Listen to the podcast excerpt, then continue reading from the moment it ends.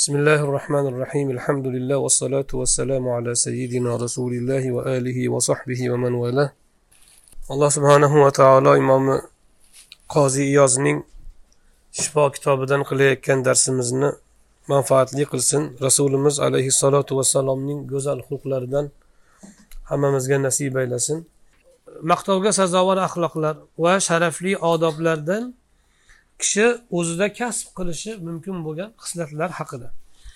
Deb aytadilarki ammo go'zal axloqlar hamida ya'ni maqtovga sazovor axloqlarki axloqlardan va sharofatli odoblarki barcha aql egalari o'sha axloq va odoblarning egasi afzal bo'lishiga ittifoq qilganlar. Va bu xulq bilan ulardan o'sha axloqlardan bittasi bilan sifatlangan kishi ham ulug'lanishiga ittifoq qilishgan. U hammasini jamlagan u yoqda tursin. Bittasi bilan e, sifatlangan kishi ham bu axloqlarni ulug'lanishiga ittifoq qilgan shunday go'zal axloq va odoblar bor.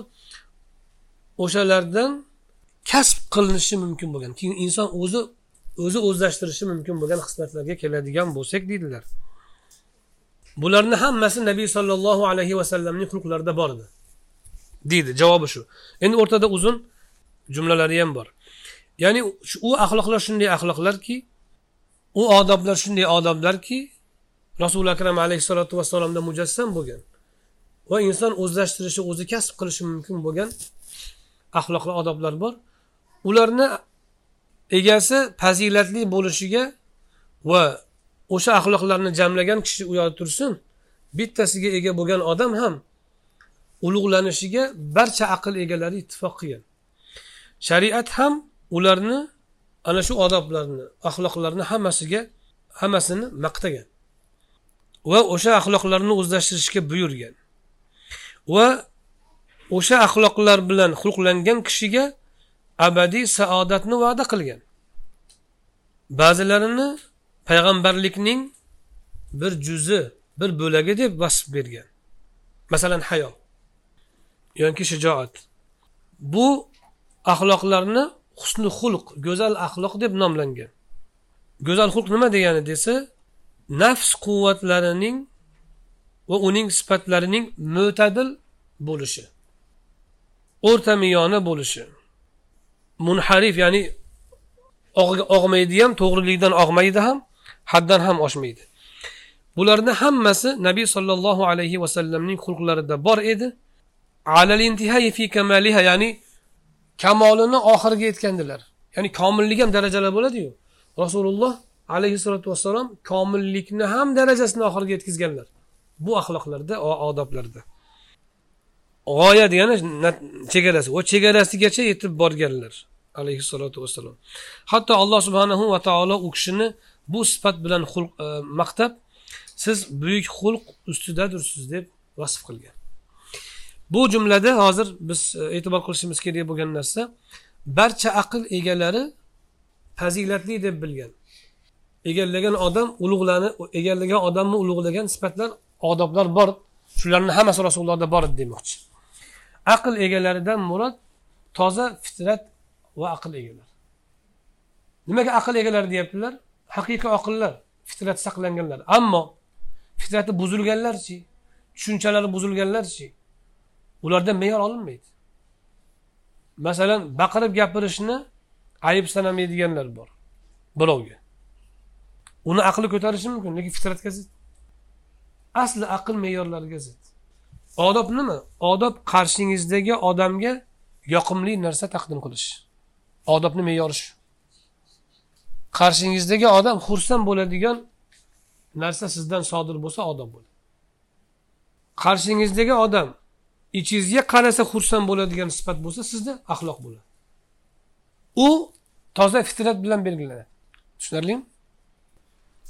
O'shaning uchun bu kishi oqillar hamma oqillar deb ta'kidlab qo'yaptiki aqli yo'qlar. Masalan aqli pastlar yoki fitrati buzilganlarning ba'zisi ba'zi fazilatni maqtamasligi mumkin. Masalan saxovat maqtamasligi mumkin. Undan ko'ra maza qilib o'zing maishat qilganing yaxshi deyishi mumkin. Yoyinki og'zini ko'pirtirib qilib gapirishni odobdan odobga zid emas deb o'ylashi mumkin. Aqli kaltaligidan fitrati buzilgandan shuning uchun oqillar deb ta'kidlab qo'yaptilar. Oqillar ittifoqi. Aql egalari haqiqiy fitrati aqli sog'lomlar. Shu nuqta alohida e'tibor qilinishi kerak. Chunki rasuli akram alayhisalotu vassalomni axloqlari aql me'yori bilan fitrat me'yori bilan eng eng kamolga yetgan axloq bo'lgan. Yana bu yerda e'tibor qilishimiz kerak bo'lgan husni xulq nima desa nafs quvvatlarining mo'tadil bo'lishi. Dedilar quvvat nafs nima desa nafs quvvatlari deganda falsafada turli ta'riflar berilgan ibn sino alohida ta'rif bergan farobiyni o'zini ta'rifi bor. Lekin mashhur ta'rif shuki nafs quvvatlari to'rt qism bo'ladi deydi. Bu keyingi shu e, axloq ulamolarini gapi. Nafs quvvatlari to'rt qism bo'ladi deyishadi. Aqliya shahviya g'azabiya vahmiya deb aytishadi. Ya'ni aqliy g'azabiy shahviy vahmiy. Aqliy quvvat nima nafsdagi? Insonni ruhidagi quvvatni aytyapti. Inson ruhida bir qancha quvvatlar bor. Hatto ko'rish eshitish ham asli ruhni quvvat. U tana moshin ko'radi xolos ko'z bilan quloq. Vosita xolos. Asli idrok quvvat ruhda bo'ladi. Aql ham asli ruhda bo'ladi. Faqat miya unga moshinka bo'lib ishlayveradi ko'zingizni o'yib olsa ko'rolmay qolganingizdaqa boshingizni bir ursa ham kalla ishlamay qolishi mumkin. Moshinka o'lganidan ruhdagi quvvat turgan bo'ladi. Shuning uchun ruh tanadan chiqsa ko'zi o'yilgan odam ko'rmayotgan bo'lsa tanasidan chiqsa ko'raveradi. Vosita bo'lgan qorachiq yoki o'sha oqchiqlar talofat yegani uchun ko'rolmayotgan bo'ladi. Vosita. Ammo ruh tanadan chiqdimi yana ko'raveradi. Chunki asli ko'rish quvvat tanada bo'ladi. Shuning uchun tanadan jon chiqqanda yerdagi yotgan jasad ko'rmaydi ammo chiqqan ruh ko'radi hamma narsani eshitadi. Bu o'ta ko'p tajribada o'tgan hozir olti milliondan o'tgan hozirgi tajribalar. Olti million kishidan o'tgan tajriba qilinganlar. Tibbiy va ilmiy tadqiqotlarda. O'sha quvvatlarni orasida nafsni quvvati deb aytadi. Bular axloq ulamolarini me'yorida. Ular u ko'rishni eshitishni bularni ular nima qilishmaydi. E'tiborga olmaydi ular ular boshqacha taqsim qiladi. O'shanda birinchi quvvat birinchi qism quvvat aqliy quvvatlar. Nafsning ruhning aqliy quvvatlari. U nima desa foyda zararni manfaatni oq qorani bilish quvvat ruhdagi. Yaxshi yomonni idroq qilish quvvat ajratish quvvat. Keyingisi g'azabiy quvvat. Deydi. G'azabiy quvvat o'zidan zararlarni daf qilish quvvat shahviy quvvatlar o'ziga manfaatni jalb qilish quvvat vahmiy quvvatlar yuqoridagi uchta quvvatni tadbiq qilib amalga oshirish uchun kerak bo'lgan yo'lni ishlab chiquvchi quvvat. Tushundingizmi? Shunday taqsim qilishadi. Mana shu quvvatlarni mo'tadil bo'lishi go'zal axloq deyapti bu kishi. Go'zal axloqni shunday ta'riflayapti.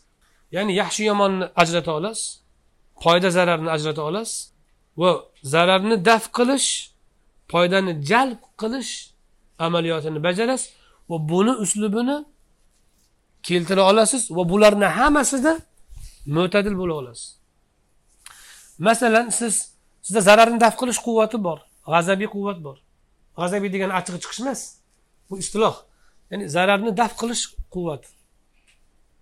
O'zidan tuhmatni daf qilish qilmoqchisiz masalan.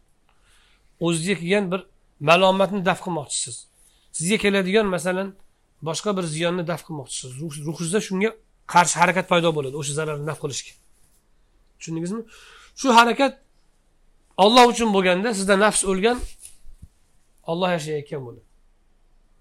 Nafs uchun bo'lsa siz hali olloh uchun to'la musulmon bo'lmagan bo'lasiz. Olloh uchun ajragan odam bo'lmaysiz. Endi shu olloh uchun bo'ladimi? Yoinki nafs uchun o'zingizni shaxsingiz uchun bo'ladimi o'sha harakat? Me'yorida bo'lsa husni xulq bo'ladi. Ya'ni o'zizga kelayotgan tuhmatni daf qilmoqchi bo'lsangiz yoki zararni daf qilmoqchisiz. Bu nafs uchun bo'lgan a endi ollohni diniga bo'lgan tuhmatni daf qilmoqchisiz yoki zararni daf qilmoqchisiz bu olloh uchun bo'lgani ikkalasi ham zararni daf qilishga bo'lgan quvvatni harakatlanishi nafsda. Shu me'yorida harakatlansa husni xulq bo'ladi. Misol uchun shimingizni shimingizni chizig'i yaxshi chiqmay qoldi. Jirillab ketib qolyapsiz. O'zizga bo'lgan keladigan zararni zararni daf qilish uchun bo'lgan g'azabiy quvvat bor nafsda. Uni ijro qilish uchun vahmiy quvvat ham bor ammo me'yordan ortiq. Shimni chizig'i g'azablanishga arziydigan narsa emas. Yoki ovqat tuzini kam bo'lib qo'yadi. Yoki ko'p bo'lib qo'yadi. Yoki go'sht kam bo'lib qoldi ovqatda. Yoyinki deylik hamma sizni hurmat qilardi kimdir hamma hammadaqa hurmat qilmay qoldi oddiy gapirib qo'ydi. Siz endi katta alloma bo'lib shakllanib qolgan paytingiz hazrat bo'lib. Oddiy odamdaqa gapiruvdi yoqmayapti. Sizga janobi oliylarini qo'shib aytish kerak edi. Muhammadjon aka deyordi hamid opa deyordi e biz shunaqa deydigan bo'lib qoldingizmi siz ham ustoz hazrat muhammadjon domla deyishingiz kerak edi. Men muhammadjon aka ekanmanmi senga? Obro'yingizni obro'yingizni himoya qilishga sizda g'azabiy quvvat harakatga keldi. Tushundingizmi? O'shanda e, masalan hoji aka demayapsiz. E, hoji aya bizni bundan keyin hoji bobo deng deydiyu hoji aya demayapsiz mulla aka demayapsiz. Qozi domla deyishingiz kerak edi. U palonchi aka deydigan qoldingizmi bizlarda mana bu o'zingizni obro'yingizni saqlashga bo'lgan ya'ni o'zizga ma'naviy bir zararni daf qilishga bo'lgan g'azabiy quvvatning harakatlanishi. Endi shunga ham hoji aka demaganiga ham g'azablanayotgan bo'lsangiz sizda g'azabiy quvvat bor. Vahmiy quvvat ham bor o'shani daf qilishga. Baqirib yubordingiz yoki qovog'ingizni solib oldingiz yoki o'sha odamni yoqtirmay qoldingiz o'zizni o'zingiz.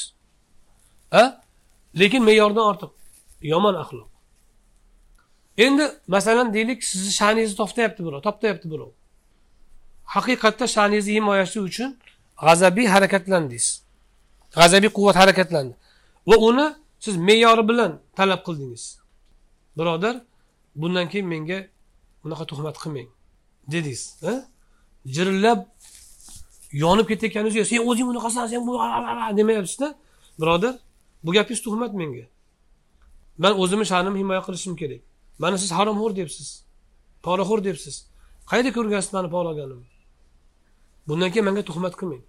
Bu sizni o'zingizni gunohkor qiladi mani ham xafa qiladi ollohni rozi qilmaydi. Desangiz mana bu me'yorda axloqingiz joyida. Sen hali ko'rasan mendan. Seni hali yer tagiga tiqib yuboraman. Toshkentda yashamaydigan qilib qo'yaman. Vahmiy quvvat bor yomon axloq. Tushundingizmi? Yoyinki siz toptasa ham indamay turadigan bo'lib qoldingiz zinokor desa ham endi zino qilsa nima qilibdi deb turibsiz? Mana sizda g'azabiy quvvat yo'q. Mo'tadillikdan e, past bu ham yomon axloq. Yomon axloq bu ham tushundingizmi? Bu ham yomon axloq bu zaiflik. Aytiladiyu g'azab qilmagan odam eshak bo'ladi deydi. G'azab to'g'ri yo'nalish kerak xolos. G'azab bo'lishi kerak to'g'ri yo'nalish kerak. Chunki bu nimaga olib keladi? Bu yerda kishilarni adolatsizlikka olib keladi. U sizni toptasa deysizmi? Ikkinchi odamni ham toptashga o'tadi. Adolatsizlikka olib keladi bu. Nohaqlikni urchishiga olib keladi. Zulmni tajovuz qilishiga olib keladi. O'shaning uchun uni daf qilish vojib asli. O'sha daf qilish g'azabiy quvvat bilan hosil bo'ladi. Tushundingizmi? Mana buni mo'tadil bo'lishi va o'rnida ishlashi shu go'zal axloq bo'ladi. Bu kishini ta'riflari shunday. Alloh subhanahu va taolo deydilar hattoinki deb qo'yaptilar. Ya'ni hatto olloh maqtagan olloh maqtadi degani komil ilm egasi maqtadi degan. Benuqson maqtov degani u va haq maqtov degani undan boshqa bo'lishi mumkin emas. Men maqtashim mumkin hissiyotga berilib ketib men maqtashim mumkin o'zimni aqlimdagi me'yorlardan kelib chiqib xato bo'lishi mumkin me'yorlarim. Men maqtashim mumkin biror g'araz bilan manfaatni o'ylab yo biror zararni daf qilish uchun. Manda g'arazlar bo'lishi mumkin. Ollohni maqtovida bunaqa narsalar bo'lmaydi. Allohga zarari yo'q manfaati yo'q. Ollohni me'yorlari komil me'yor va mukammal ilmdan kelib chiqqan. O'shaning uchun u maqtov tom tugal maqtov bo'ladi. Unda nuqson bo'lmaydi. Va xato bo'lish ehtimoli ham bo'lmaydi. Shuning uchun hatto olloh maqtadi deyaptilar. Rasululloh. Nima deb maqtadi? Va innaka olloh buni tepasida qasam ichgan. Nun val qalami va ma yasturun. Ma anta bi ni'mati robbika bi majnun. Va inna laka la ajran ghayra mamnun. Nun qalamga qasam. Va satr qilayotgan narsalarga qasam. Satr qilayotgan narsalar farishtalarni bitiklari bo'lishi mumkin yozuvlari. Kishilarni ilm yozishlari ham bo'lishi mumkin. Ya'ni ilmga qasam degani. Ilmni ilmni qaydlashga qasam degani. Qalam ilm vositasi. Allama bil qalam. Satr qilish ilmni vositasi. Ilmni saqlash va isbotlash vositasi satr.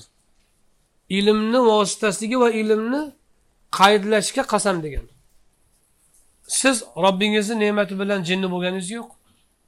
Robbingiz sizga payg'ambarlikni bergan bo'lsa shu payg'ambarlikni risolatida sizni tuhmat qilib majnun deyishgan bo'lsa ular ahmoq bo'ladi chunki ne'mat tabiga munosib narsa degan. Sof fitrat va tabiatga tabiatga muvofiq narsa ne'mat deyiladi. Tushundingizmi? Nimaga farzand ko'rish ne'mat yo'qotish musibat? Farzandli bo'lish tabiatga munosib muloyim kelgani uchun munosib kelgani uchun yoqqani uchun. Yoqimli narsa ne'mat bo'ladi yoqimsiz narsa musibat bo'ladi. Alloh sizni sizga tabiga tabiatga muvofiq munosib va yoqimli narsani bergan bo'lsa. Shundan sizni majnun deyishadi. Bu qanday ahmoqlik? Bu majnunlik emas sizdagi. Balki bu ayni ne'mat bu. Ayni fazilat bu. Sizga tuganmas bitmas tuganmas ajr bor. Nima uchun? O'sha ne'matni to'g'ri sarflaganingiz uchun va majnun deganlari uchun. O'sha aziyatga sabringiz uchun ajr bor sizga. Deb turib sizlar sizni ular majnun deyaptimi? Yo'q siz buyuk xulq sohibisiz deyapti. Majnunda buyuk buyuk xulq bo'ladimi? Bo'lishi mumkin emas. Qachon majnun axloqi go'zal bo'lgan? Qachon? Qayerda jinnidan go'zal xulq paydo bo'lgan? Qayerda? Alloh ta'kidlayaptiki siz buyuk xulq ustidasiz ustidasiz alani keltirishidan murod egallagansiz degani buyuk xulqni egasisiz degan. Ala egalikni bildirish uchun ya'ni nima uchun egalikni bildiradi? Kishi bir narsaga ega bo'lsa unda mutamakkin bo'ladi sobit bo'ladi qo'lidan chiqmaydi. Go'zal xulq bilansiz desa xulqqa ega bo'lib qo'lidan chiqishi xavfi ham bo'lishi mumkin. Go'zal xulqni ustida bo'lsa qo'lidan chiqishi mumkin o'zgarishi mumkin emas. O'shaning uchun ala bilan berilgan ta'bir. Go'zal xulq ustidasiz degani egasisiz qo'lingizdan chiqmaydi o'zgarmaydi sizdagi xulq degani. To'la sohibisiz degani. Endi xulq nima? Qalbiy sifat ruhning shakli. Ruhning moddiy shakli emas ma'naviy shakli. Masalan shijoat kamtarlik saxovat va hokazo kabi go'zal axloqlar karam kechirimlilik hammasi ruhni sifatlari. Tanangizni shakli xalq bo'ladi. Ruhning shakli ma'naviy shakli xulq bo'ladi. Ana shu buyuk xulq ustida siz va innaka va innaka. Albatta siz deb buni olloh ta'kidlayotgani sizni majnun deyayotganlar ham shuni tan oladi degan. Qanday qilib majnun bo'lishi mumkin? Go'zal xulq. Buyuk xulq egasi. Endi xulqni olloh buyuk deb ta'riflayapti. Va innaka ala xuluqin jamil desa ham bo'lardi go'zal xulq. Va innaka ala xuluqin masalan karim desa ham bo'lardi oliyjanob. Va innaka ala xuluqin hasan desa ham bo'lardi yaxshi. Nimaga azim? Buyuk. Buyuklik nimadan kelib chiqadi o'zi? Masalan palonchi buyuk inson. Nimasi bilan buyuk? Kallasi kattami yo'q. Yelkasi kengmi yo'q. Bo'yi uzunmi yo'q. Nimadan buyuklik? Bir narsani ikkinchi narsaga nisbatan solishtirganda buyuklik tushuniladi. Tushundingizmi? Qachon bu eshik katta deyiladi? Undan kichkina eshik bo'lgan paytda. Buyuklik qachon azamat qachon bir narsa azamat bilan buyuklik bilan vasf qilinadi? Masalan tog'lar buyuklik bilan vasf qilinadi. Yoyinki masalan deylik mulk podshohlik ha? Yoki ilm yoki shunga o'xshagan ba'zi bir narsalar buyuklik bilan vasf qilinadi. Buyuklik nimani ifodalaydi desa buyuk buyuklik nodirlik va hosil bo'lishi qiyinligidan kelib chiqadi. Go'zallikka oson erishish mumkin. Buyuklikka oson erishilmaydi. Xulqni buyuklik bilan sifatlanishi erishilishi qiyinligidan. Odatda bir narsa buyukligi nima bilan ifodalanadi? Bu kishi buyuk olim deysiz. Uni darajasini olish qiyinligidan. Erishilishi qiyinligi va nodirligidan buyuklik kelib chiqadi. Bir narsani vasfida. Rasuli akram alayhissalotu vassalomni xulqlarini go'zal desa ham bo'lardi. Lekin go'zalligi bor. Buyuklikda go'zallik bo'lishi aniq. Lekin go'zallikda buyuklik bo'lmasligi mumkin. Go'zallik oson hosil bo'lishi mumkin. Ammo buyuklik qiyin hosil bo'ladi. Qiyin hosil bo'lishi erishish o'ta qiyin va nodirligidan bir narsa buyuklik bilan vasf qilinadi. Rasuli akram alayhissalotu vassalom axloqlarini buyuk deb olloh sifatlashi shundan. Oddiy emas. Oddiy emas. Oson emas. Sizni shunday axloq egasi ekaningizni sizni majnun deyayotganlar ham biladiyu tan oladiyu. Kallasi bormi ularni? Shu xulq egasini majnun desa bo'ladi. Bir tarixda biror marta biror joyda bir majnundan go'zal odob axloq sodir bo'lganmi? Yo bir jin tekkan odamdan shunaqa go'zal axloq sodir bo'lganmi? Shunaqa go'zal axloqki yuqorida aytyaptiyu nafs quvvatlari o'ta mo'tadil u aqli ketgan odamda nafs quvvatlarida e'tidol bo'ladimi? Mo'tadillik bo'ladimi? Aqli noqis odamda mo'tadillik bo'ladimi? Nafs quvvatlarida. Aqliy quvvatlarida ham masalan. Mumkin emas. Sizni majnun deyayotganlarni o'zi aqli joyida emas. Ular faqat hasaddan boshqa g'arazdan nafs bandasi bo'lganlardan sizni bunday tuhmat bilan ayblashadi. Aslida sizni ular o'zi kallasini ishlatsa o'zlari sizga berayotgan vasflarida o'zlari aytayotgan so'zga o'zlari xilof keladi. Э, hattoki rasulullohni buyuk xulq egasi deb alloh taolo vasf qildi deydilar keyin aytadilarki oysha roziyallohu anhu aytdilarki rasululloh sollallohu alayhi vasallamning xulqlari qur'on edi. U rozi bo'lgani bilan rozi bo'lardilar u g'azab qilgani bilan u norozi bo'lganiga norozi bo'lardilar. Sahot g'azabdan past. G'azab achchiqlanish g'azab g'azab intiqom tuyg'usini g'azab deyiladi. G'azab bir narsani daf qilishga bo'lgan quvvatni harakati. Insonni ruhida kechadi. Va ba'zi ta'riflarda ya'ni savaron ya'ni qalb e, yurakda qon e, o'tishi ya'ni tezlashi deydi. Endi sahot bo'lsa norozilik. Rizoni aksi. G'azab norozilik emas. Norozilikdan ko'ra qattiqroq bo'ladi. Ya'ni daf qilish va intiqom olish yoki intiqom olish daf qilish yoki intiqom olish tuyg'usi qo'zg'alsa g'azab deyiladi rasuli akram alayhissalotu vassalom bu yerda zamir yardo berido hu degan zamir nimaga qaytadi? Qur'onga qaytadi. Lekin rivoyatlarni o'rganilsa allohga qaytishi ham mumkin. Ikkalasi bitta narsa baribir natijada. Olloh rozi bo'lganga rozi bo'lardilar norozi bo'lganga norozi bo'lardilar. Yoki bu yerdagi matnda qur'on rozi bo'lganiga rozi bo'lardilar qur'on norozi bo'lganiga norozi bo'lardilar. U kishini axloqlari qur'on edi. Nima degani? Qur'onda maqtalgan sifatlar mujassam edi. Qur'onda yomonlangan sifatlardan xoli edilar degan siz axloq oyatlarini jamlabgina qur'onni axloqlarini chiqara olmaysiz qur'onni xulqini masalan deylik qur'oni karimda ota onangga uf dema. Hm? Yoki qanotingni past qil ota onangga yoyinki yonog'ingni odamlarga burma yuzingni tirishtirma peshanangni tirishtirma ya'ni. Yer yuzida hovliqib yurma o'zingni bos. Min savtik ovozingni past qil. Vaqsid fi mashik o'rtacha qadam bos. Yamshuna alal ardi havnan hokistorlik bilan yuradilar yer yuzida johillar xitob qilsa omon bo'ling deb ketishaveradi. Javob qaytarib o'tirishmaydi. Talashib. Kabi axloqlarni jamlasangiz shundan qur'onni xulqlari chiqadimi? Chiqadi. Shuni o'zidanlami yo'q. Yana qur'onni boshqa axloqiy me'yorlari bor.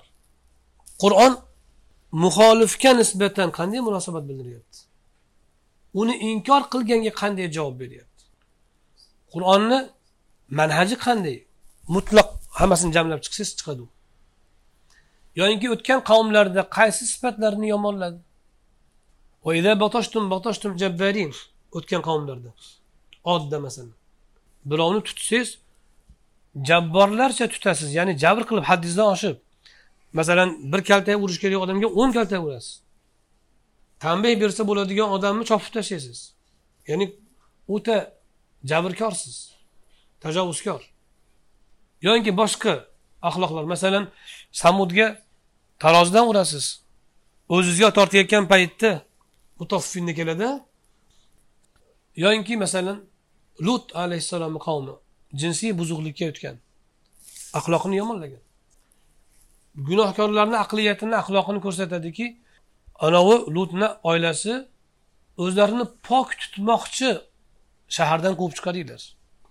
Gunohkorlarni falsafasi shunaqa bo'ladi o'zi alkash bo'lsa ichmagan odam yomon ko'raveradi.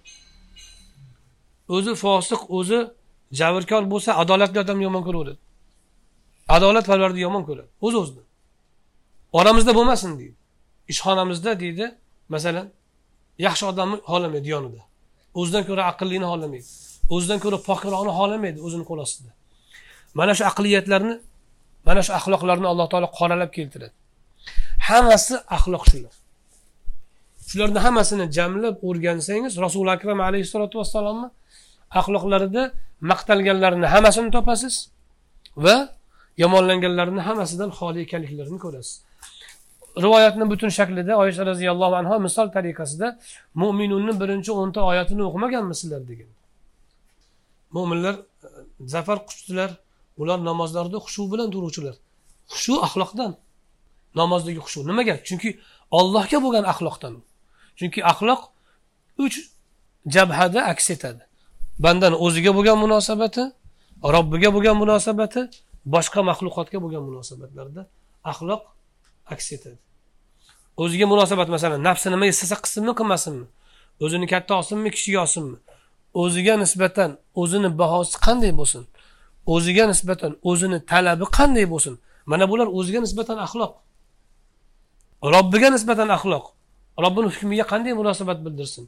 Xohlaganini tanlab xohlaganiga amal qilsinmi?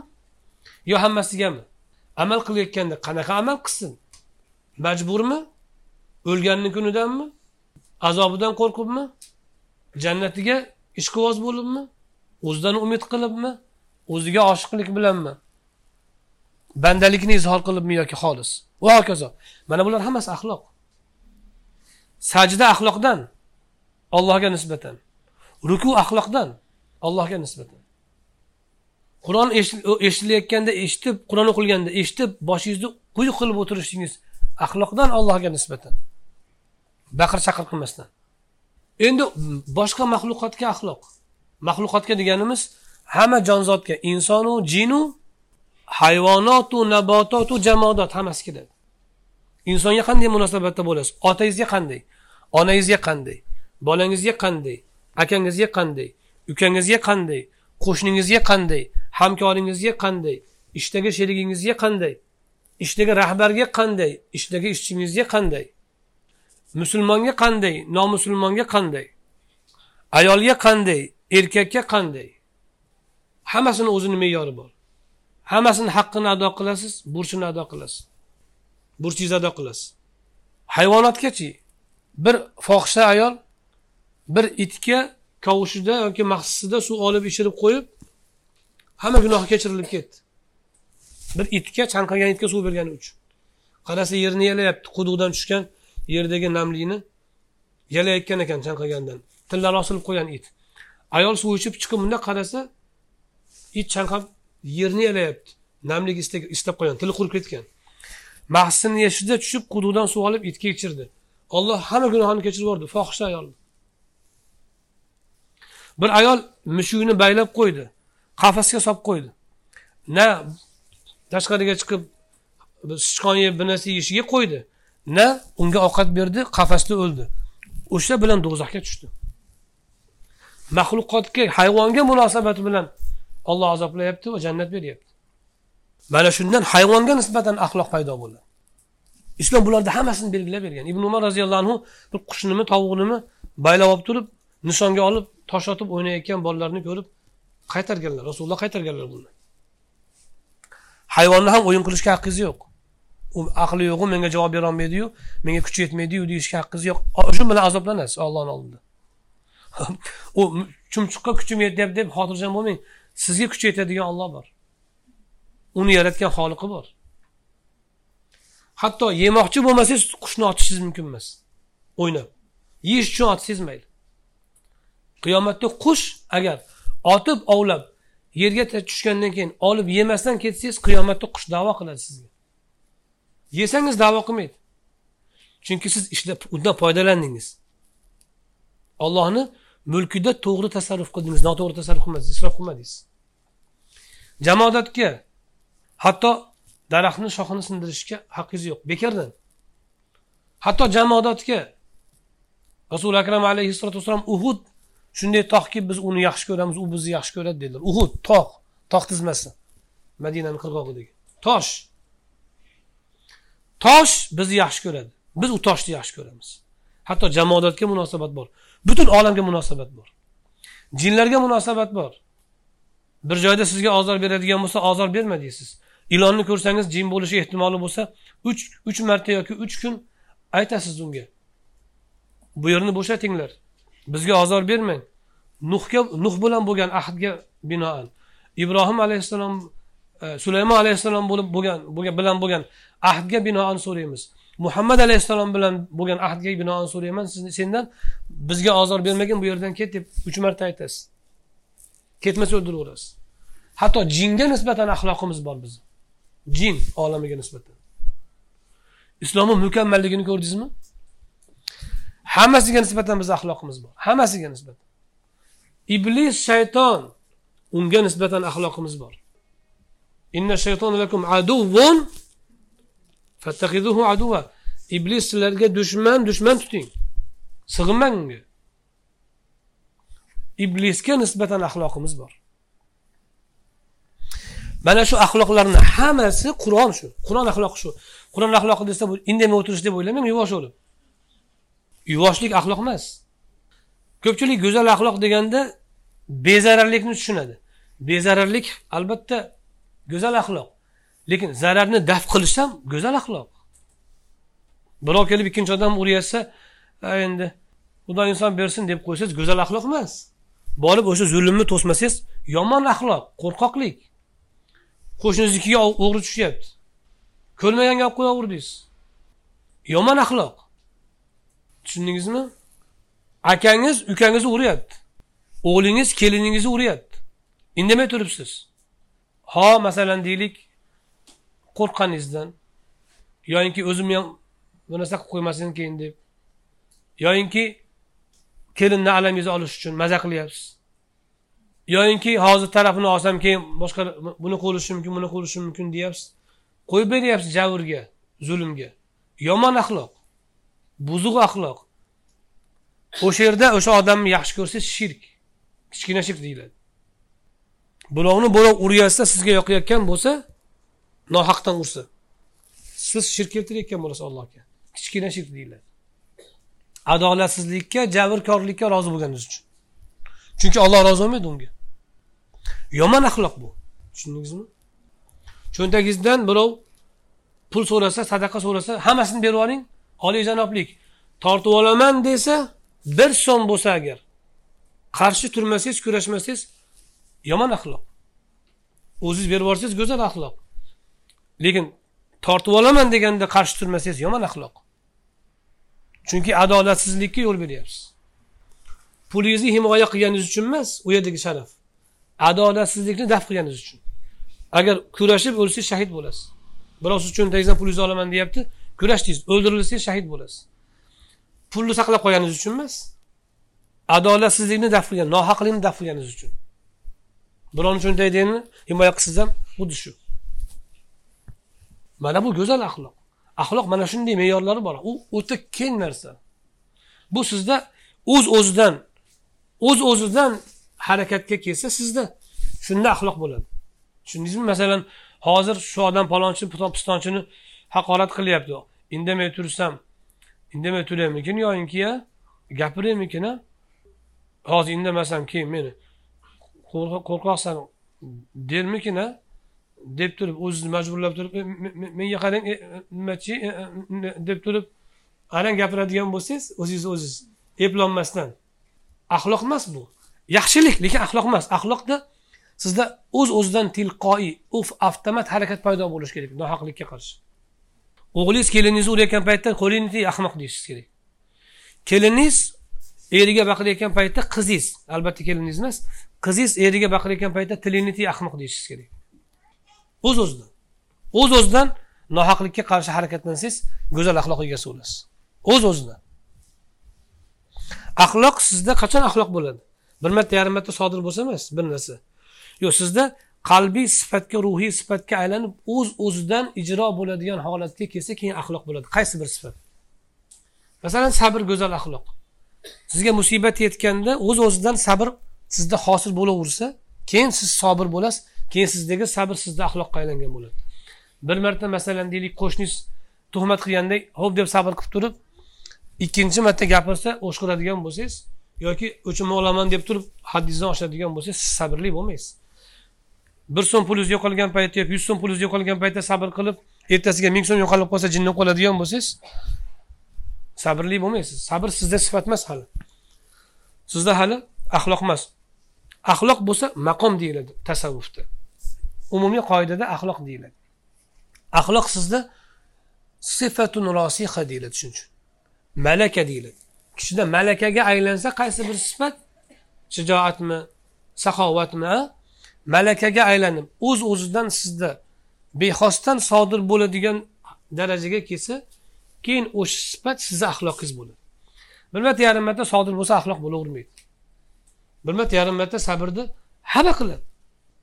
Lekin u odam sobir degan sifatga sabr degan axloqqa ega deyilmaydi. Rasuli akram alayhissalotu vassalomdagi axloqchi? O'sha qur'oni karimdagi maqtalgan sifatlar u kishida jamlangan va tabiatga aylangan edi. Tabiatsizga aylanishi kerak. Keyin sizda axloq bo'ladi odobdan ajratamiz axloqni. Adolat parvarligingiz axloq. Adolatparvarlikdan kelib chiqib jabrni daf qilishingiz odob. Tushunarlimi? Endi rasuli akram alayhissalotu vassalom dedilarki e, ha bu yerda oysha roziyallohu anhu aytyaptilarki qur'on rozi bo'lganiga rozi bo'lardilar norozi bo'lganiga norozi bo'lardilar.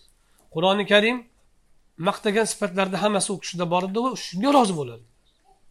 Boshqadan ham shunda rozi bo'lardilar. O'zlaridan ham o'sha fe'llarnigina o'sha axloqlarnigina sodir bo'lishini qabul qilardilar. Bu yerda qur'on rozi bo'lganiga rozi bo'lardilar degan sifatni nima uchun keltiryapti desa yoki bu zamir allohga qaytishi mumkin. Alloh rozi bo'lganiga rozi bo'lib norozi bo'lganiga norozi bo'ladilar degan sifatni nima uchun keltiryapti desa nafs qolmagan edi demoqchi. Qachon sizni qur'on axloqlari mujassam bo'ladi? Nafs qolmaganda. Nafs mutlaqo o'lgan paytda. Nafsdan nishoni qolmagan paytda. Sizdagi bor harakat alloh subhanahu va taoloning turtkisi bilan paydo bo'ladigan bo'lgan paytingizda qur'on axloqiga ega ega bo'lgan bo'lasiz. Oysha roziyallohu anhu qur'on axloqiga ega bo'lganlarini alomatini aytyapti. Alomat qayerdan bilinadi? O'zicha har kim o'zicha o'zini axloqli deyishi mumkin qur'on axloqi bilan. To'rtta beshta adam baydan bilgan narsasini tadbiq qilib turib. Yo'q u ham yaxshi narsa ammo komil qur'on axloqi emas u. Qur'on axloqiga komil erishgan odamni alomati nima unda o'zi uchun g'azablanish qolmaydi. O'zi uchun rozi bo'lish qolmaydi. O'zi uchun xursand bo'lish qolmaydi. O'zi uchun g'azablanish qolmaydi. Undagi bori tuyg'ulari alloh subhanahu va taologa bog'lanib qolgan bo'ladi. Mana shuni tasavvufda fano deydi. Alisher navoiy o'zlarini forsiy ijodlarida o'zlariga foniy deb taxallus olgan turkiy ijodida navoiy. Forsiy ijodida foniy deb olgan mana shu odamni foniy deyiladi mana shu millati ibrohim degan. Shu sunnati muhammadiya. Axloqi muhammadiya shu bo'ladi. Nafsdan ozgina ulush qo'ygan bo'lsa bu darajaga yetolmaysiz. Ba'zi odam olloh uchun g'azab qilaman deydi. To'g'ri olloh uchun g'azab qiladi bir o'rinda. Ikkinchi o'rinda o'zi uchun ham qilaveradi u. Uni qalbida sherik bor allohga. O'zi. Eng katta shirk eng katta iloh nafs bo'ladi insonda. Allohga beradigan maqomni o'ziga beradi. Qalbingizda ollohga berilgan maqomni qarang. Ollohni sizni qalbingizdagi o'rni qanaqa? G'oliban o'sha o'rindan baland bo'ladi nafsni o'rni insonda. Ko'pincha. Ammo rasuli akram alayhissalotu vassalomda shu narsa bo'lmagan. Nafs bo'lmagan. Shunga oysha roziyallohu anhu ishora qilyaptiki olloh rozi bo'lganiga rozi bo'ladilar o'zingiz o'ylang mana bunda o'zimiz rozi bo'lgan xursand bo'lgan narsalarni o'zi bundoq tasavvur qilaylikda o'zingiz xursand bo'lgan rozi bo'lgan o'rinlarni ishlarni hodisalarni bir tahlil qiling. Va o'zingiz g'azablangan norozi bo'lgan o'rinlar va hodisalarni voqealarni bir tasavvur qiling tahlil qiling. Nechi foizi olloh uchun bo'lgan? Qarangda. Besh foiz chiqsa do'ppini osmonga otavering. U odamda ham olloh uchun rozi bo'lish olloh uchun g'azablanish bor. to'qson besh foiz o'zi ham bor. U odam olloh uchun rozi bo'layotgan odam sifatida mana bu hadisda aytilgan e, ta'rifga tushmaydi. Bunda olloh rozi bo'ladigan narsagagina degan joy bor. Va olloh olloh uchun g'azab qilardilar degan boshqa narsaga g'azab qilmadi degan. Nafs yo'q degan.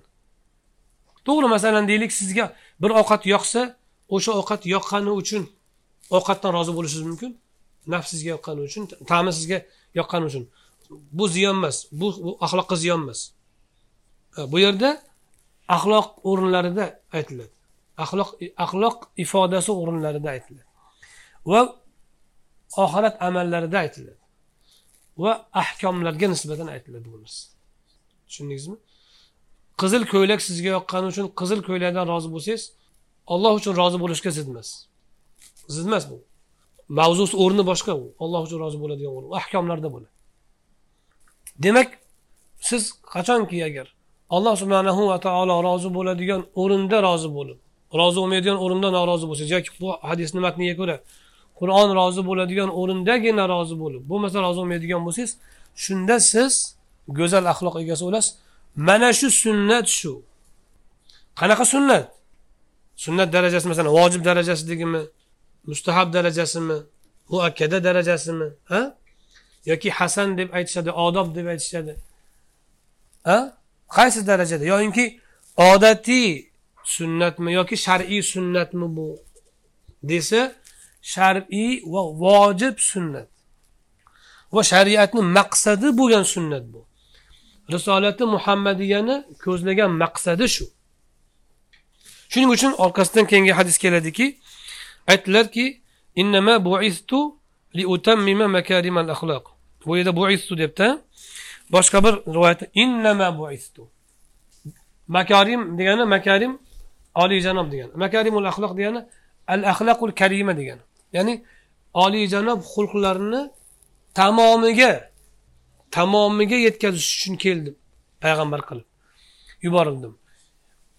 Oliyjanob xulqlarni kamoliga yetkazish uchungina payg'ambar qilib yuborildi har qanday axloq emas axloqlarni oliyjanoblarini ya'ni yaxshi axloqlarni va oliyjanoblarni ya'ni erishish qiyin bo'lganlarini ham tamomiga degani nima degani? Nuqsonsiz tajovuzsiz degan tushundingizmi? Masalan bir narsani me'yoriga yetsa masalan g'azab. G'azab o'zini me'yorida bo'lsa kamol bo'ladi. Undan kam bo'lsa ham nuqson ko'p bo'lsa ham nuqson. Yuqorida aytgan misollarimizda hatto olloh uchun bo'lgan g'azab ham. Masalan farzni tark bo'layotganiga bo'lgan g'azabingizdan mustahabni tark bo'layotganiga bo'lgan g'azabingiz ortiq bo'lsa g'azabingiz noto'g'ri noqis yoinki sun'iy. G'oliban sun'iy bo'ladi farz tark bo'lsa uncha g'azablanmayapsiz. Lekin sunnat tark bo'lsa g'azablanyapsiz masalan deylik siz, siz o'zingiz targ'ib qilayotgan masala bor. Poychami sallami? Shu narsa tark bo'lganiga ko'proq g'azab qilyapsiz. Holbuki muboh amal bo'lishi mumkin yoki mustahab bo'lishi mumkin. Mustahabga mustahabni tark bo'layotganiga bo'lgan g'azabingiz farzni tark bo'lishiga bo'lgan g'azabdaqa baland bo'lyapti. Axloqingiz buzuq balki sun'iy. Ollohdan emas. Ollohdan bo'lganda u me'yorda bo'lardi. Makruhga g'azablanib ketyapsiz. Haromga unchalik emas. G'azabingiz sun'iy yasama. Tagida nafs bor. Ko'rinish diniy ammo asli nafs tagi. Chunki u agar asli nafs bo'lmasdan ollohdan bo'lganda edi u siz makruhga makruhga yarasha g'azablanar edingiz haromdagidan past bo'lardi siz bir haromga g'azablanyapsiz ikkinchisiga uni g'azablanmayapsiz. Yana g'azabingiz sun'iy nafsdan ollohdan emas. Ollohdan bo'lganda bir xil g'azab bo'lardi ikkovsiga odamlar ba'zi masalalarni o'zi ko'targani uchun shunga urg'u bergani uchun o'sha narsalarga ko'proq e'tibor qiladida shu narsalarda diniy g'azabini ko'rsatadi. Olloh uchun g'azab qilyapman deydi. Qaydan bilasiz uni olloh uchunmi yoki nafsdanmi? Ikkinchi shunaqa o'rinda qanaqa turibdi shu odam? Ichi shunaqa harakatlanyaptimi nafsi? Yoki ruhi yoki qalbi shunday to'layaptimi bir nimaga g'azabga? Yo'q. Demak uni g'azabi nafs. O'sha masalani ustida uni manfaati bor. U manfaat moddiy bo'lishi mumkin ma'naviy bo'lishi mumkin. Yoyinki nafsga o'rnashgan tushunchadan kelib chiqqan bo'lishi mumkin. Ollohdan emas. O'ta daqiq narsalar bu suratda olloh uchun g'azablayotgan bo'ladi. Chunki o'sha amal shariatga daxldor bo'ladi. Bir haromni daf qilish yoki bir farzni himoyasi uchun bo'ladi. Lekin o'sha farzni himoyasi uchun bo'layotgan yoki bir sunnatni himoyasi uchun bo'layotgan o'sha g'azab ikkinchi o'rinda ham sunnatda shunday qo'zg'alyaptimi yo'qmi? Yo'q qo'zg'almayaptimi? Demak u g'azab sun'iy u u nafsdan. U yerda nafsni nasibasi bor. Din vosita qilingan xolos. Sunnat bir surat bo'lib tepasiga qobig'ib turibdi xolos. Tagida nafs bor.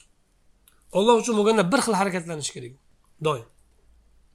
Masalan deylik to'ng'iz yeganiga g'azablanib aroq ichganga g'azablanmasachi u ham harom bu ham harom u sun'iy u. U yolg'on u. U odamni qanaqadir aroqqa rag'bati bor yoki aroqqa nisbatan noshar'iy tushunchasi borki aroqqa to'ng'izga g'azablanganlikka g'azablanmayapti. Yoyinki poycha ko'tarilmaganiga g'azablanyapti. Ammo kibrga g'azablanmayapti. Kibrni yomon ko'rmayapti. Poychani osilganini yomon ko'ryapti. Asli poychadagi ma'no kibrda kibr ediku. U odamni poychani osilishiga cho'zilishiga yoki shu yerga sudralishiga bo'lgan g'azabi sun'iy. U odam shu narsaga urg'u bergani uchun shu narsada o'zini ko'rsatayotganidan nafsida bu narsa shakllangan. Ollohdan emas.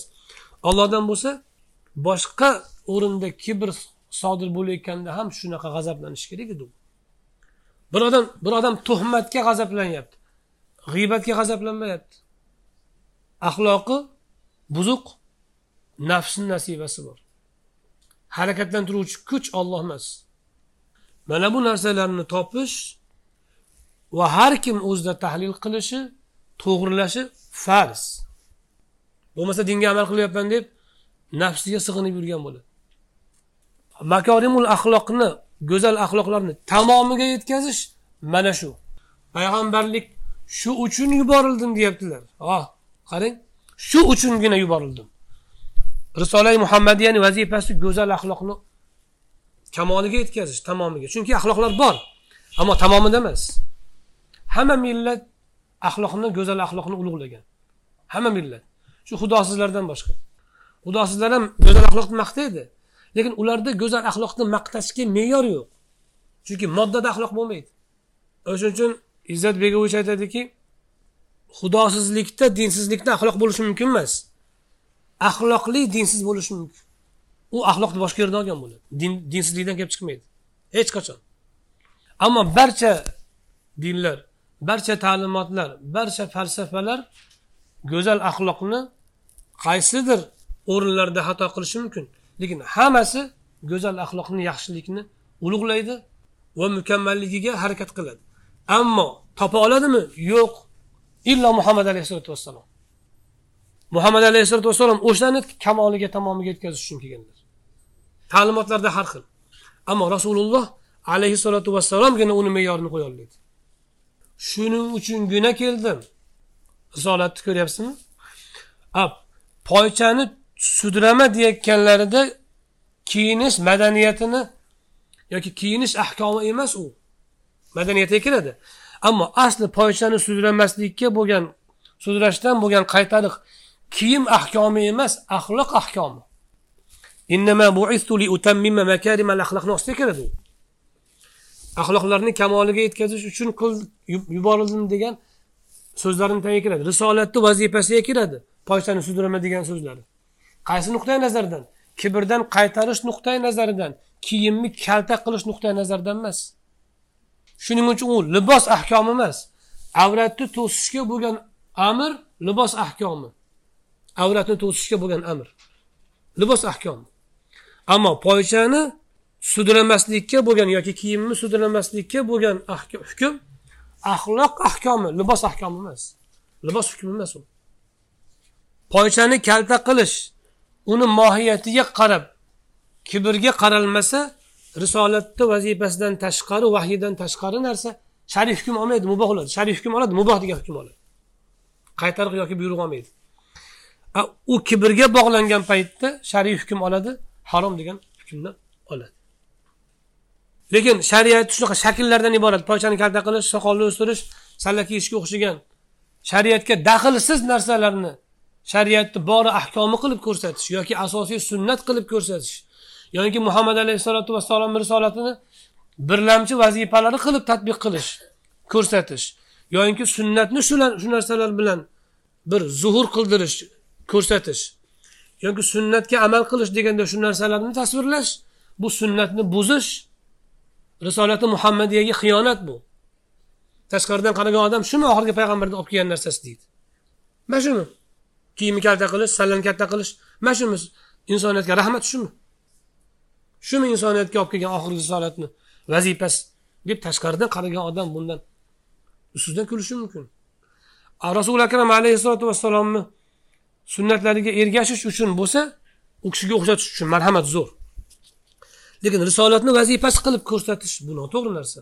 U asosiy sunnat qilib ko'rsatish bu dinni buzish bu. Sunnatga xiyonat bu. Risolatga tuhmat bu.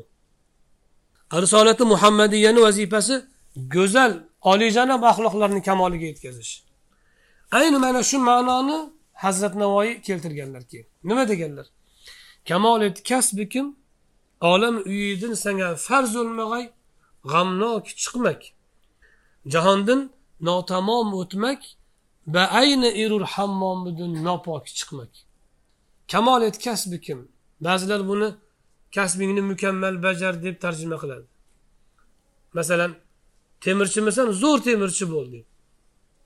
U noto'g'ri noto'g'ri talqin. Uni aytmoqchi emas.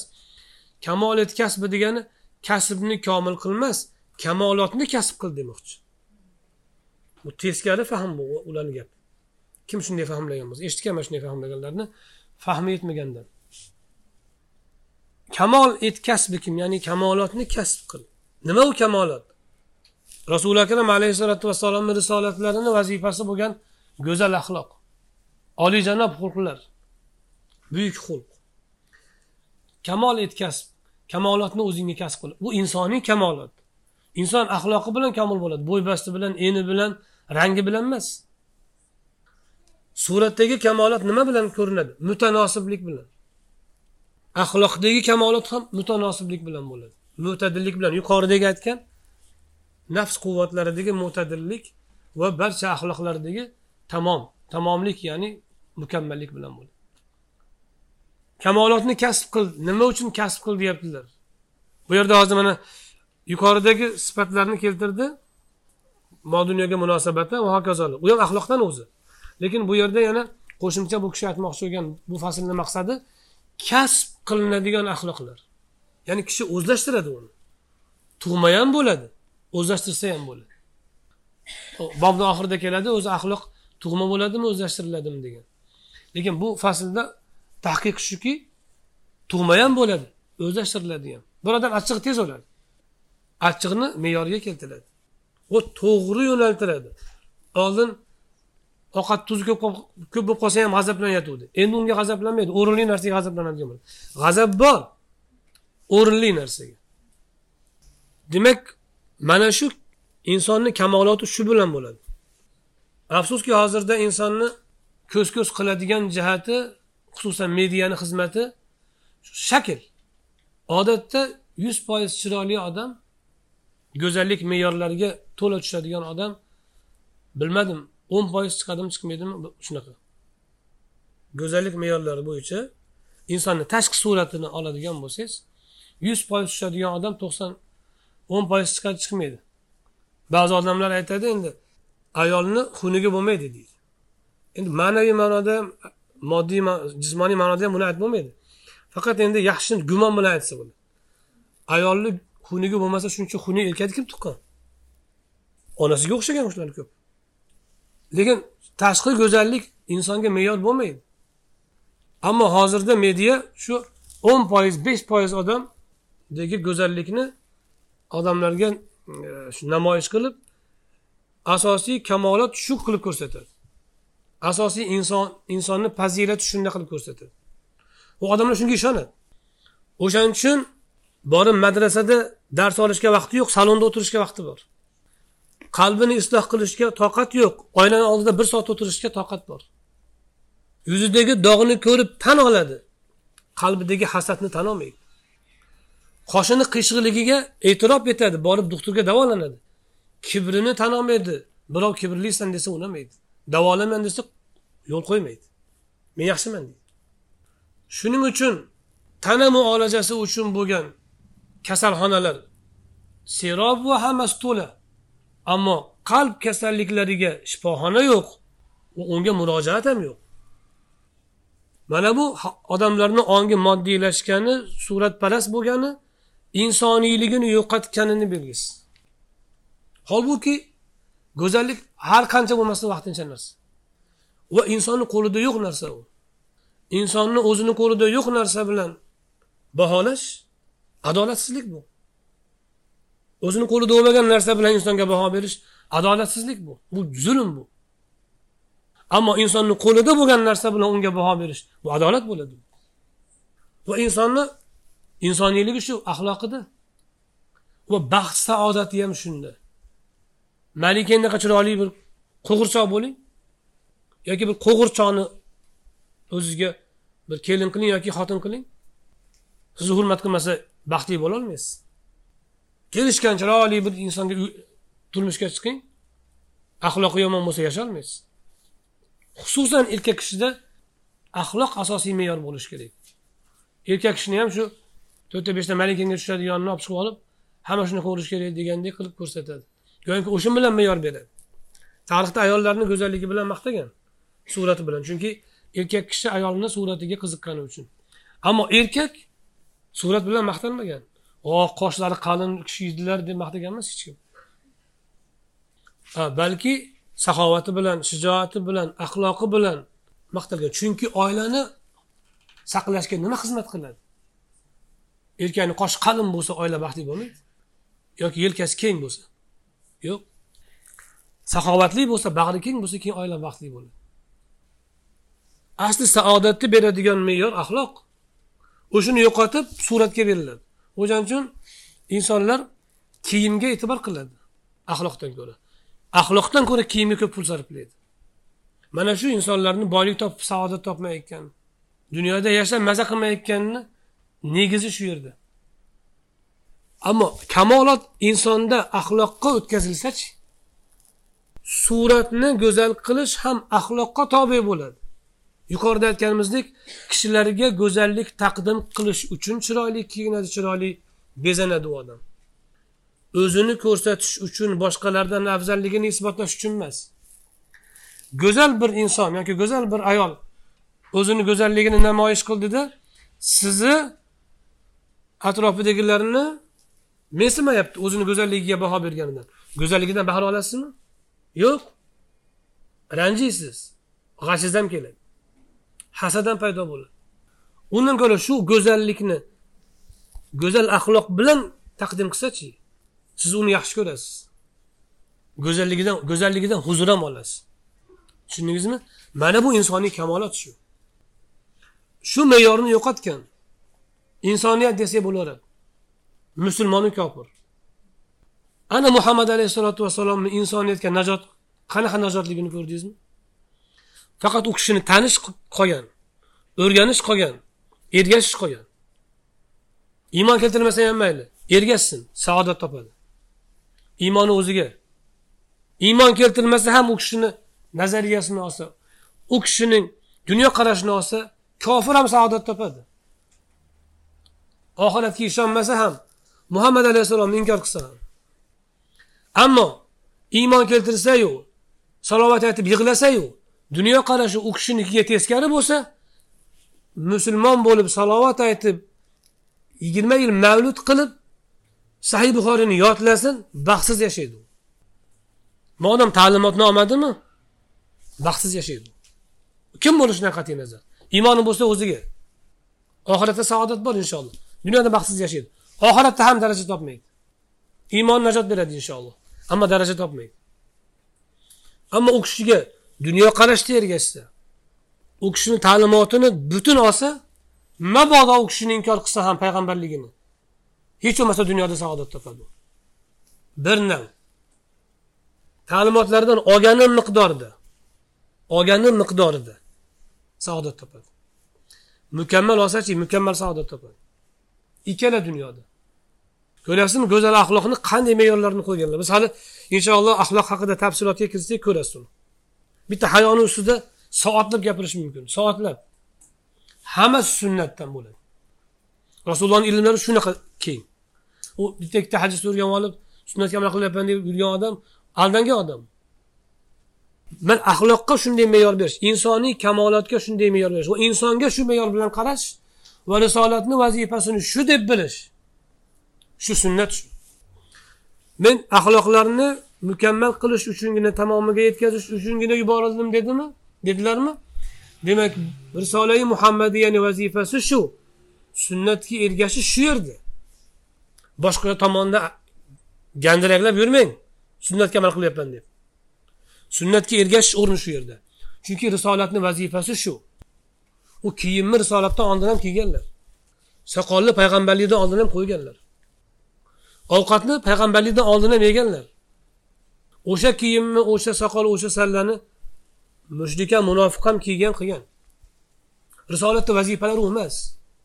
Risolatni vazifalari axloqni go'zal darajaga yetkazish axloq o'zingizga robbingizga mavjudotga munosabat. O'ylamang axloq deganda faqat chiroyli muomala xush keldingiz xush keldingiz. Yo'q. O'zingizga robbingizga mavjudotga munosabat. Uchalasi me'yoriga yetish kerak tamomiga yetish kerak. Shuning uchun aytishganki biz imom molikni ilmini o'n yil oldik. Axloqiga yigirma yil ketdi deyishgan. Nimaga? Qiyinligi uchun. U ma'lumotni o'qib olib kitobni yodlab olib tarlatib tarjima qilsam alloma bo'laman deb o'ylamang. To'rtta sunnatni ushlab olib o'sha bilan o'zingizni ko'rsatib sunnatga amal qilyapman payg'ambarga ergashyapman deb o'zingizni aldamang. Boshqani ham aldamang. Axloqdadir risolatni maqsadi shuning uchun kamolat kasb kim? Navoiy aytyaptilar kamolotni kasb qil. Nimaga deydilar? Olam uyidini senga farz bo'lmagay g'amnoki chiqma. Toinki bu olam uyidan g'amga botib chiqma. Beg'am chiqqin nimaga olam uyidan g'amnok chiqma deyaptilar. Umringni oxirigacha harakat qil deyaptilar. Vaqt talab qiladi mehnat talab qiladi. Endi nimaga g'amnok chiqma deyaptilar?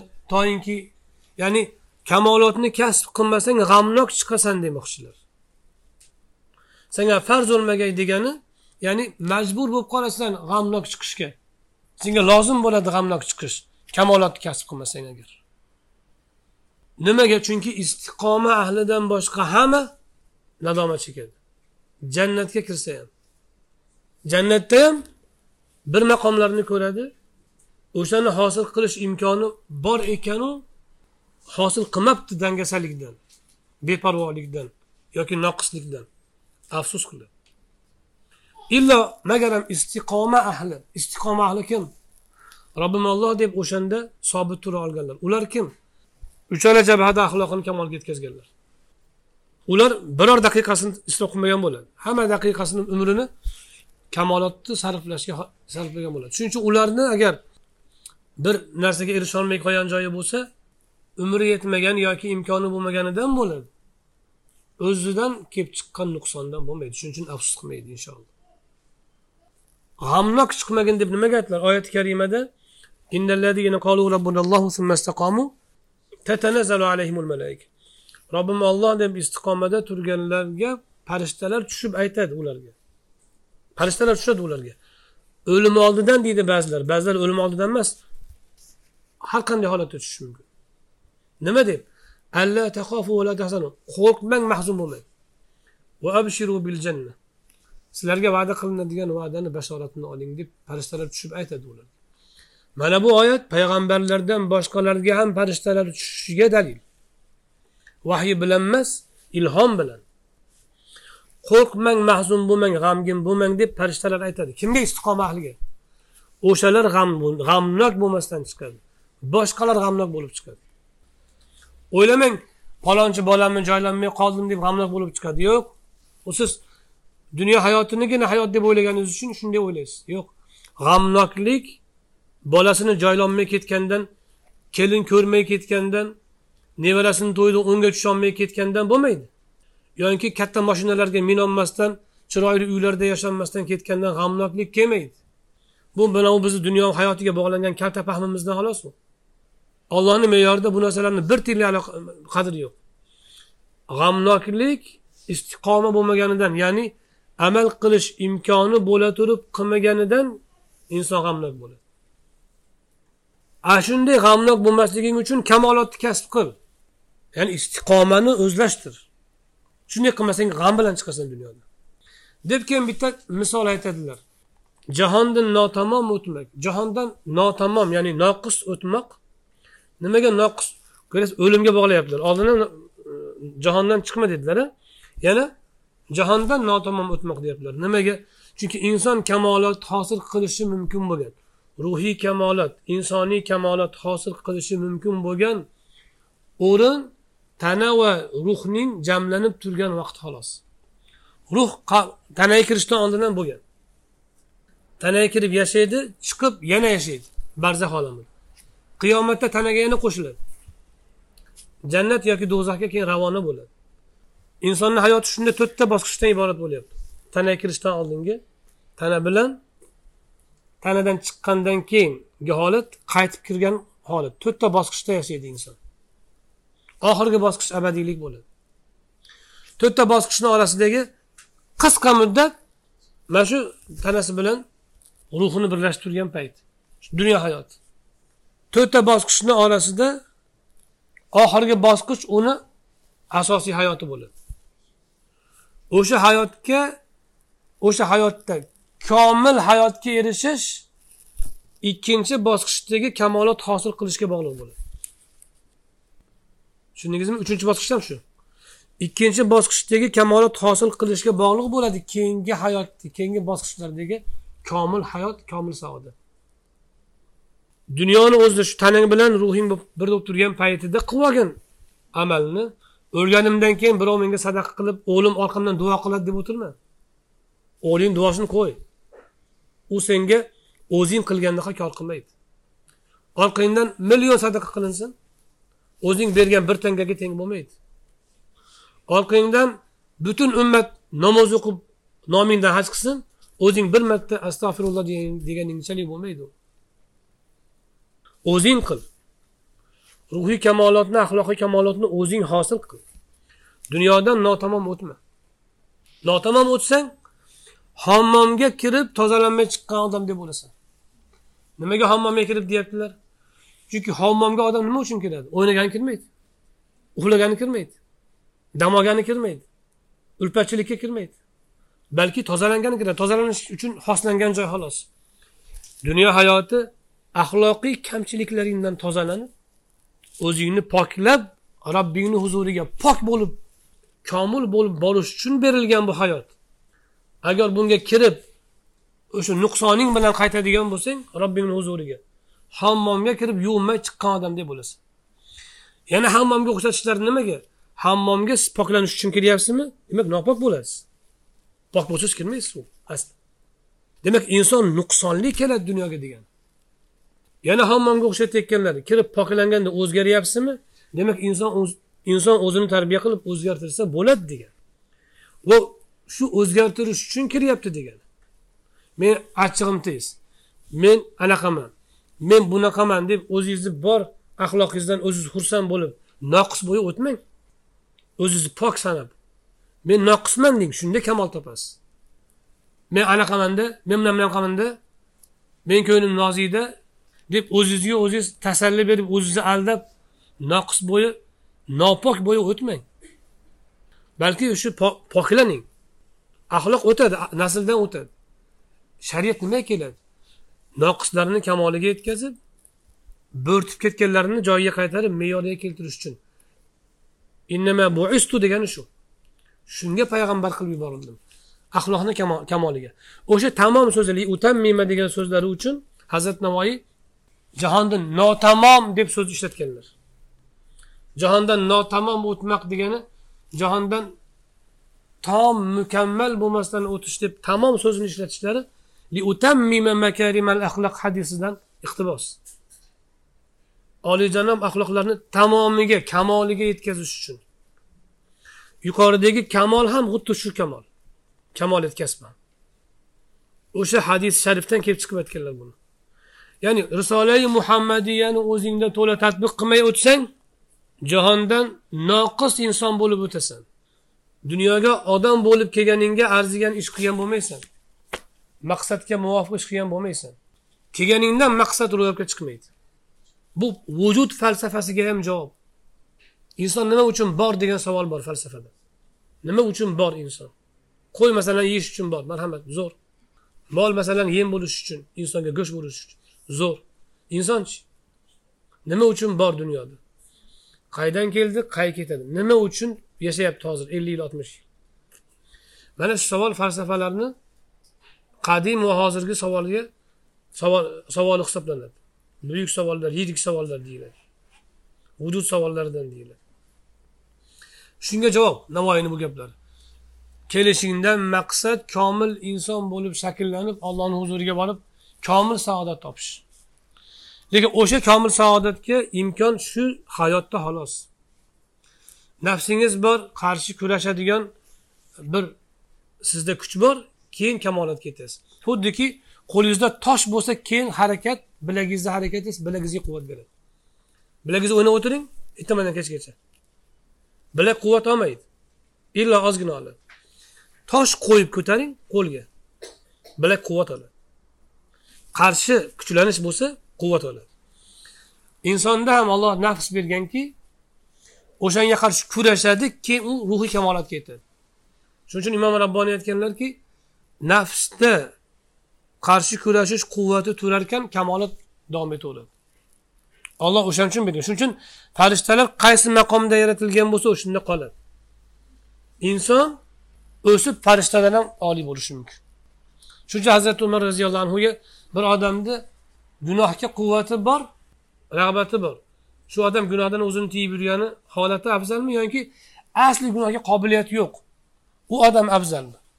Deganda qobiliyati boru tiyib yurgani afzal deganda. Chunki unda o'sish ruhiy kamolot bo'ladi. Robbiga itoat qilgani uchun va o'sha ruhiyatni kamolotiga qarshi kuch bo'lgani uchun. Shunda kamolga yetadi inson. Ana payg'ambarlikdan murod shu deyaptilar. Shuning uchun guna keldim.